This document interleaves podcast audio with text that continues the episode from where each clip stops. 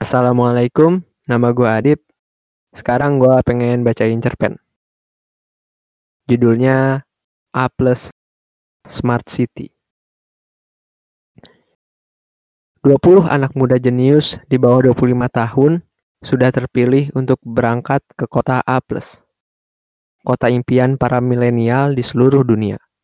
Semua orang boleh bermimpi, tapi tidak semua berhak menjadi warga A+. Hanya ada dua cara untuk menjadi bagian dari kota istimewa ini. Lahir di sana atau lulus ujian. Menjadi satu dari 20 anak muda spesial setiap tahunnya. Saat ini A memiliki 3.991 penduduk. Data ini bisa dilihat secara langsung perubahannya di internet. Saat ada yang lahir, meninggal, atau pindah, secara real time angkanya akan berubah. Angka yang membuat sangat nyaman untuk tinggal di suatu tempat. Dengan angka penduduk serendah ini, kau tidak perlu khawatir akan ada macet atau kekurangan bahan makanan tidak ada wali kota di sini. Kota A dipimpin oleh tiga perusahaan besar yang dikenal di seluruh dunia. Satu perusahaan konstruksi, satu konsultan bisnis, dan satu perusahaan teknologi. Tidak ada kriminal, kemiskinan, dan demonstrasi di jalan. Semua hal negatif yang pernah kau lihat di perkotaan biasa tidak ada di sini. Hampir semua pekerjaan sudah dibuat otomatis oleh robot.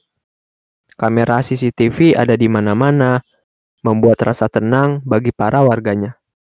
Transportasi umum tanpa pengendara siap mengantarkan warga ke mana saja. A adalah proyek Smart City, kota cerdas pertama yang berhasil berjalan dan akan ditiru di ratusan negara lain sebentar lagi. Kota ini tidak memiliki tetangga, A plus ada di pulau sendiri, dengan tinggi datarannya hingga 15 meter di atas laut. Beruntung, ikan yang hidup di sekitar pulau sangat bervariasi, menjadikan menu makanan pokok warga A plus tidak membosankan. Buah dan sayur pun tumbuh subur tanpa ada halangan di sini. Suhu cuaca sempurna untuk berlibur yang biasanya hanya muncul setahun sekali di tempat lain, hadir sepanjang tahun di sini. 10 laki-laki dan 10 perempuan yang terpilih tahun ini sudah mendarat di bandara kecil A+. Kehadiran mereka disiarkan langsung di stasiun televisi lokal. Lebih dari setengah penduduk A+ menyaksikannya. Ada yang melalui smartwatch, tablet, bahkan di layar besar yang ada di atas pusat perbelanjaan. Masuknya 20 tambahan penduduk baru setiap tahunnya tentu menjadi berita menarik untuk disaksikan – di tengah rutinitas yang cukup membosankan. Pekerjaan mereka sangat bervariasi. Yang pasti, setiap pekerjaan mereka dikhususkan untuk terus menjaga keseimbangan dan mengembangkan A+ sebagai model smart city pertama di dunia saat ini. Prosesnya jelas tidak mudah.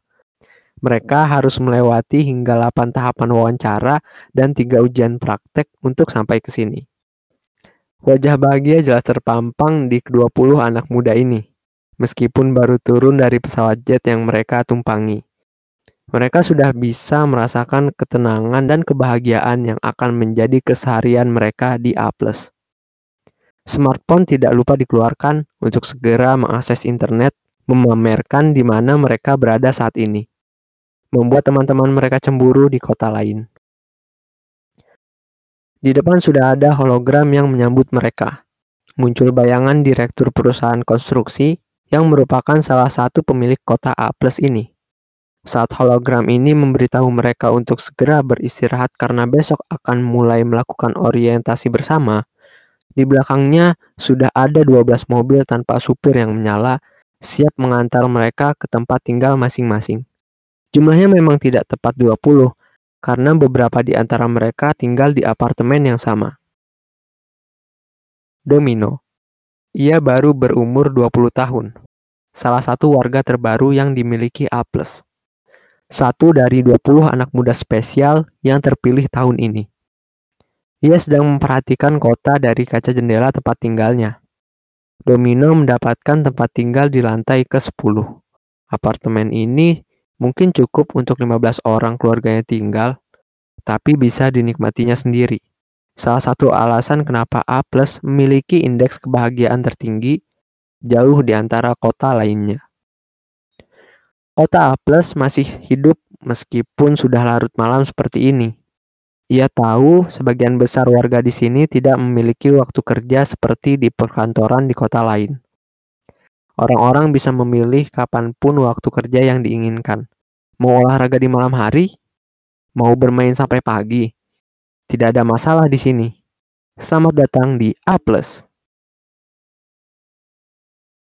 Bot, bisa tunjukkan lokasi tempat tinggal ke-20 anak baru lainnya? Domino memanggil asisten virtual yang bisa diaktifkan hanya dengan suara di apartemennya. Malam Domino, ini tempat tinggal teman-temanmu. Sekedar informasi, kau bisa memberiku nama.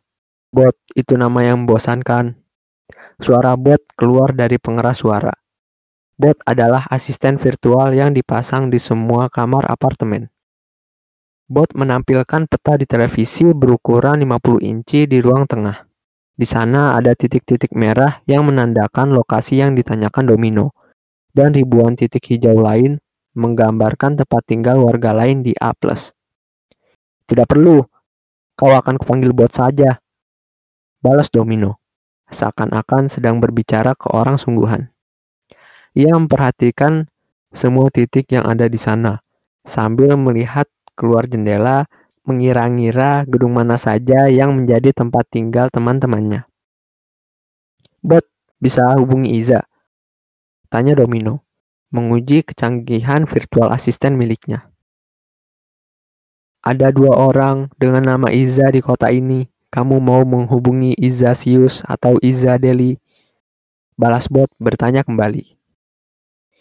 Iza Deli yang baru datang hari ini, jawab Domino. Baik, mencoba menghubungi Iza Deli. Sekitar tiga detik menunggu, bot melanjutkan. Maaf, Iza saat ini belum mengaktifkan virtual asistennya. Tidak diperbolehkan menghubungi tanpa izin pemilik sebelumnya. Mau mengirim pesan, akan disampaikan kalau bot sudah aktif di sana.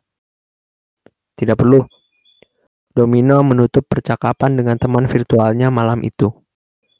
Sayangnya rasa antusiasnya belum bisa dibagikan ke sahabat dekatnya, Iza, yang saat ini juga masih belum bisa tertidur, menikmati apartemen terbaik yang pernah dia lihat. Masa orientasi ke-20 warga baru ini dimulai dengan berkeliling menggunakan bus wisata yang berangkat ke setiap sudut kota, atau lebih tepatnya pulau ini. Berbagai tempat rekreasi yang mereka lewati secara otomatis masuk ke daftar tunggu, daftar tempat yang wajib mereka kunjungi nanti. Domino duduk di samping Iza. Mereka ada di bagian atas bus tanpa pengendara ini. Iza, kau harus mengaktifkan virtual asistenmu. Kau lupa yang disampaikan di bandara kemarin. Aku mau menghubungimu lewat bot tadi malam jadi tidak bisa. Domino memulai pembicaraan pagi itu. Sudah aku aktifkan tadi sebelum berangkat, aku baru ingat. Tapi kan kau bisa menghubungi di teleponku langsung. Jawab Iza. Oh iya, aku lupa. Mungkin aku terlalu takjub dengan semua ini. Siapa yang sangka kita berdua bergabung ke A+. Jelas Domino semangat. Ia masih tidak percaya mereka berhasil melewati tahapan wawancara dan ujian yang sulit untuk bekerja di sini. Salah satu tempat yang mereka lewati adalah tempat para imigran tinggal. Tempat ini ditandai dengan tenda putih lebar yang di dalamnya ada lift besar menuju perumahan bawah tanah. Secara resmi, peraturan di kota Aples tidak memperbolehkan pendatang tinggal di sini. Tapi karena ada beberapa orang dari negara lain yang terombang-ambing di perairan atau terdampar tanpa sengaja di pulau ini, terpaksa diberi tempat tinggal. Dengan aturan yang ketat, mereka boleh tinggal di tempat khusus yang dibuat di bawah tanah, tapi tidak diperbolehkan berinteraksi langsung dengan warga asli A+. Mereka hanya boleh keluar dari bawah tanah kalau mereka memutuskan untuk kembali berlayar dengan kapal yang disediakan. Pemerintah pun menyediakan kapal untuk dipakai secara gratis kalau mau kembali ke kampung halaman mereka. Semua informasi ini disampaikan oleh salah satu warga A+ yang menjadi tour guide Domino pagi ini. Oh, jadi ini potongan pajak satu persen dari gaji kita setiap bulan nanti. Jelas Iza ke Domino. Iya, katanya satu persen ini sebagai kontribusi untuk orang yang kurang mampu. Aku pikir ini hanya akal-akalan perusahaan besar itu untuk mengambil uang. Karena tidak mungkin ada orang yang kurang mampu di A+. Ternyata uang ini untuk imigran.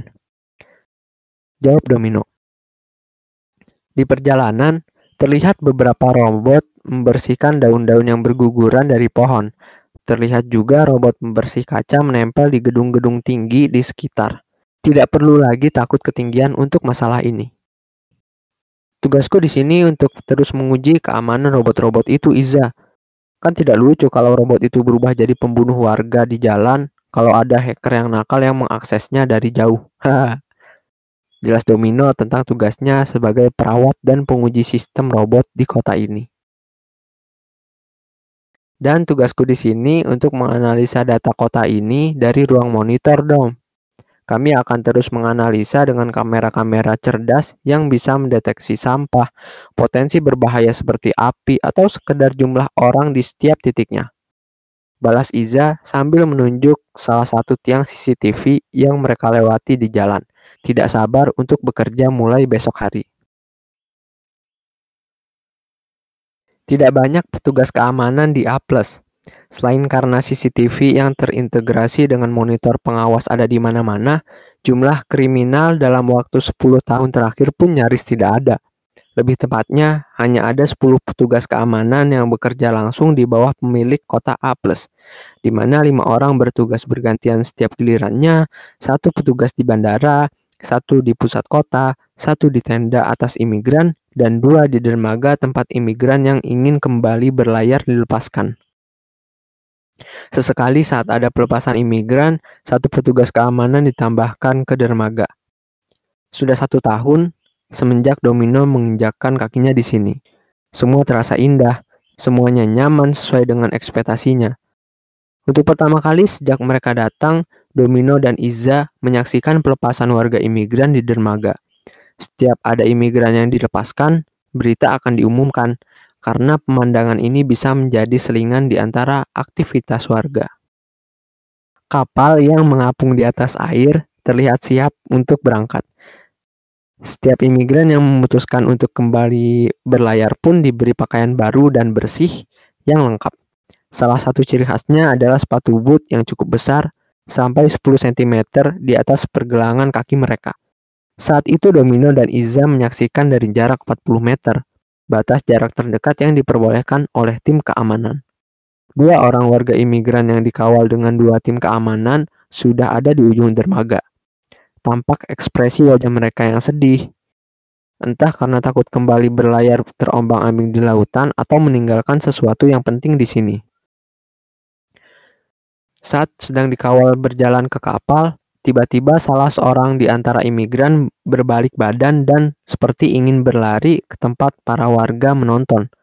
Tapi belum dua langkah ia berlari, badannya tidak seimbang, ia langsung terjatuh di rerumputan.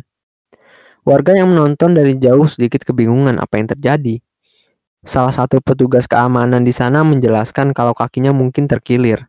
Tapi tenang saja, sudah ada kotak P3K dan perlengkapan lainnya yang sudah disiapkan di kapal. Dua petugas keamanan yang berada di sana pun membantu salah satu warga imigran yang terjatuh ini untuk naik ke kapalnya. Bagaimana dengan arah mereka pulang? Bukannya mereka tersasar sampai ke sini? Tanya Iza ke petugas. Tenang, kami sudah menyiapkan kompas dan keperluan lainnya di kapal. Mereka pun pergi atas keinginan mereka sendiri lagi pula sebagian besar orang itu sebenarnya ingin secara gelap tinggal di sini. Jawab petugas keamanan yang ada di bagian penonton. Saat semua warga dan petugas meninggalkan tempat berlayar, Iza menyuruh Domino untuk tetap berdiri di sini. Pemandangannya memang bagus, kenapa tidak menikmatinya beberapa saat? Pikir Domino dalam hati. Dom, kau tidak merasa aneh? Jarak kita terlalu jauh ke sana, Salah satu imigran tadi seperti ingin berlari ke arah kita. Tanya Iza membuka pembicaraan. Hah? Maksudmu apa? Aku tidak mengerti. Domino balik bertanya. Ada yang aneh, Dom. Kita tidak boleh dekat dari dermaga dan tidak boleh juga ke perumahan bawah tanah. Atau sekedar ke dalam tenda putih itu. Mereka punya penyakit. Atau ada rahasia yang disembunyikan. Tanya Iza lagi. Iza, sudahlah. Hidup kita sudah enak di A ini. Kau jangan berhayal yang aneh-aneh. Pemilik A berusaha keras membuat tempat yang nyaman untuk orang seperti kita. Wajar kalau mereka ingin memisahkan dengan hal-hal yang tidak membuat nyaman. Lagi pula mereka mengurus warga imigran dengan baik. Mereka memotong gaji kita setiap bulannya untuk mengurus mereka, termasuk memulangkan mereka. Jawab Domino yang tidak tertarik. Kau mau bertaruh? Kita ke perumahan bawah sana. Lihat kehidupan mereka. Tantang Iza. Kau tahu kan itu tidak diperbolehkan. Domino gigih melawan taruhan konyol Iza. Tidak boleh bukan berarti tidak bisa, Dom. Aku bekerja di bagian monitor. Sudah setahun ini aku bertanya-tanya, kenapa di bagian perumahan imigran itu atau sekedar di tendanya tidak ada kamera yang bisa diakses langsung di bagian pusat monitor seperti kita tidak boleh melihatnya. Iza masih penasaran. Begini dom, aku akan mengalihkan perhatian para petugas. Setauku hanya ada 4-5 orang petugas keamanan di kota ini pada saat bersamaan. Kalau kita membuat sesuatu yang heboh, kemungkinan mereka semua akan langsung ke sana. Pada saat itu kau harus masuk ke dalam tenda dan turun ke perumahan di bawah sana. Iza mengeluarkan rencananya. Enak saja. Kalau yang penasaran jadi aku yang repot. Begini saja.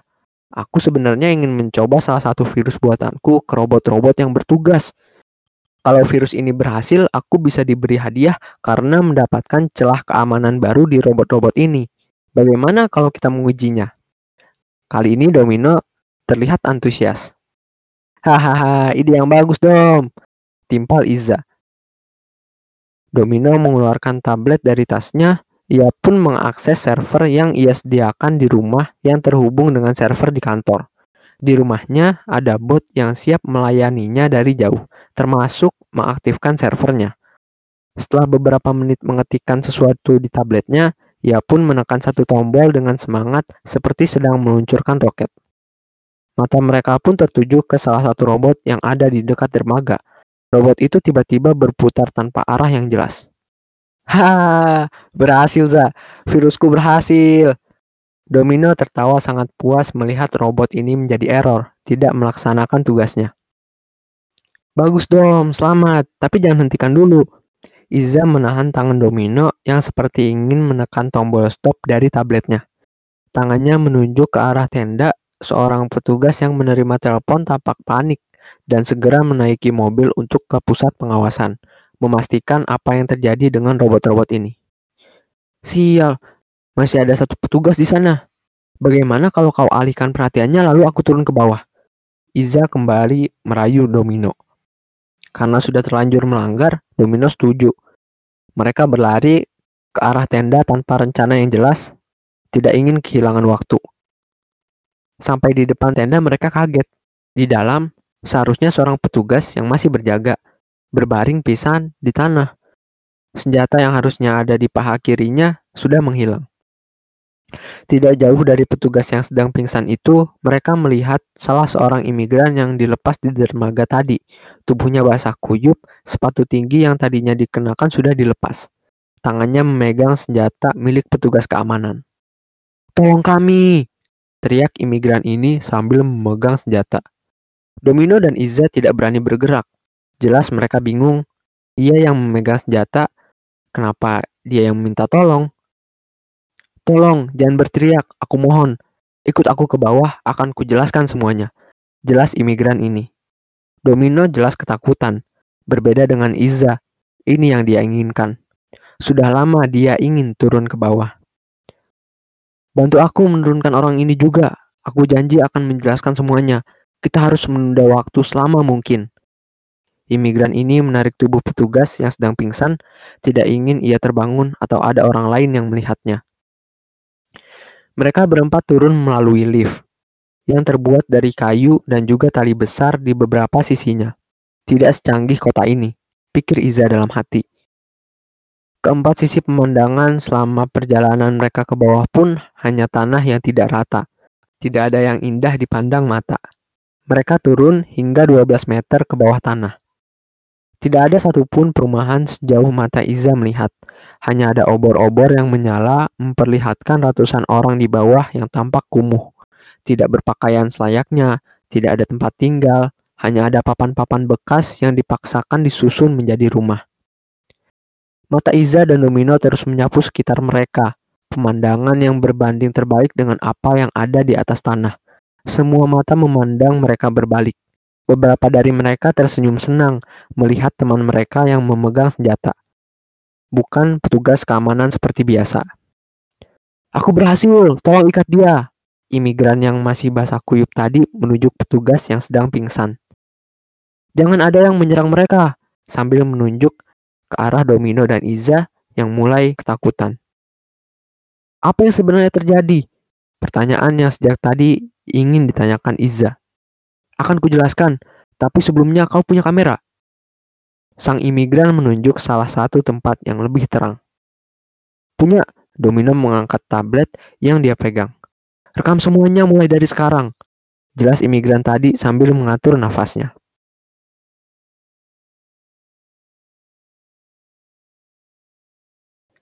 Jauh lebih baik kalau mereka membunuh kami. Imigran ini mulai menjelaskan semuanya. Tidak pernah ada imigran. Orang-orang yang ada di bawah tanah ini adalah penduduk asli pulau ini. Mereka disekap, tapi dibiarkan beraktivitas di bawah tanah. Sudah 10 tahun lebih. Mereka sebelumnya adalah pemilik pulau ini, warga asli yang tinggal di sini. Ia lanjut menceritakan kalau awalnya pihak pengembang kota ini menawarkan kerjasama Warga yang sebelumnya bekerja sebagai nelayan dan petani akan diberi pembagian profit dari kota ini tanpa perlu lagi bekerja keras. Sebagian dari kami yang setuju sudah keluar dari pulau ini dan mungkin menikmati hidup mereka di perkotaan. Tapi kami yang memilih bertahan di pulau ini mencintai kehidupan kami yang damai diperlakukan seperti hewan di bawah sini. Kami diberi makanan dan air seadanya, Makanan selalu dijatuhkan dengan lift rongsokan ini ke bawah. Tapi kami tidak bisa beraktivitas apa-apa di bawah sini. Lebih baik kalau mereka membunuh kami. Iza dan Domino tidak tahu harus berekspresi seperti apa. Tangan Domino yang merekam dengan tablet sedikit bergetar. Bu, bu, bukannya kalian boleh kabur berlayar? Tanya Iza. Tidak pernah ada berlayar. Kapal yang mereka berikan, kompas, dan barang lainnya rusak. Sebelum sampai ke mana-mana, kami akan tenggelam di tengah jalan. Sepatu kami saat ingin berlayar dilengkapi sensor dan alat strum kalau kami coba melakukan hal aneh saat di dermaga. Entah itu mencoba kabur atau berteriak minta tolong. Setiap orang yang ingin bebas dipaksa menggunakan sepatu listrik itu. Setelah cukup jauh dari dermaga tadi, aku melepaskan sepatuku dan berusaha kembali berenang ke sini. Aku berhasil. Aku mohon beritahu seluruh dunia kebusukan ini. Matanya menatap tajam ke kamera. Mereka pikir dengan tidak membunuh kami itu adalah kebaikan. Tapi yang mereka lakukan jauh lebih parah dari membunuh. Mengambil tempat tinggal dan pekerjaan, mengambil kebebasan, membuat sebagian orang menjadi bahagia di atas penderitaan kami. Selesai. Cerpen ini dibuat oleh Hilman Ramadan. Sumbernya gua taruh di deskripsi. Makasih buat yang udah dengar pembacaan cerpen dari gua. Terima kasih sekali lagi. Wassalamualaikum.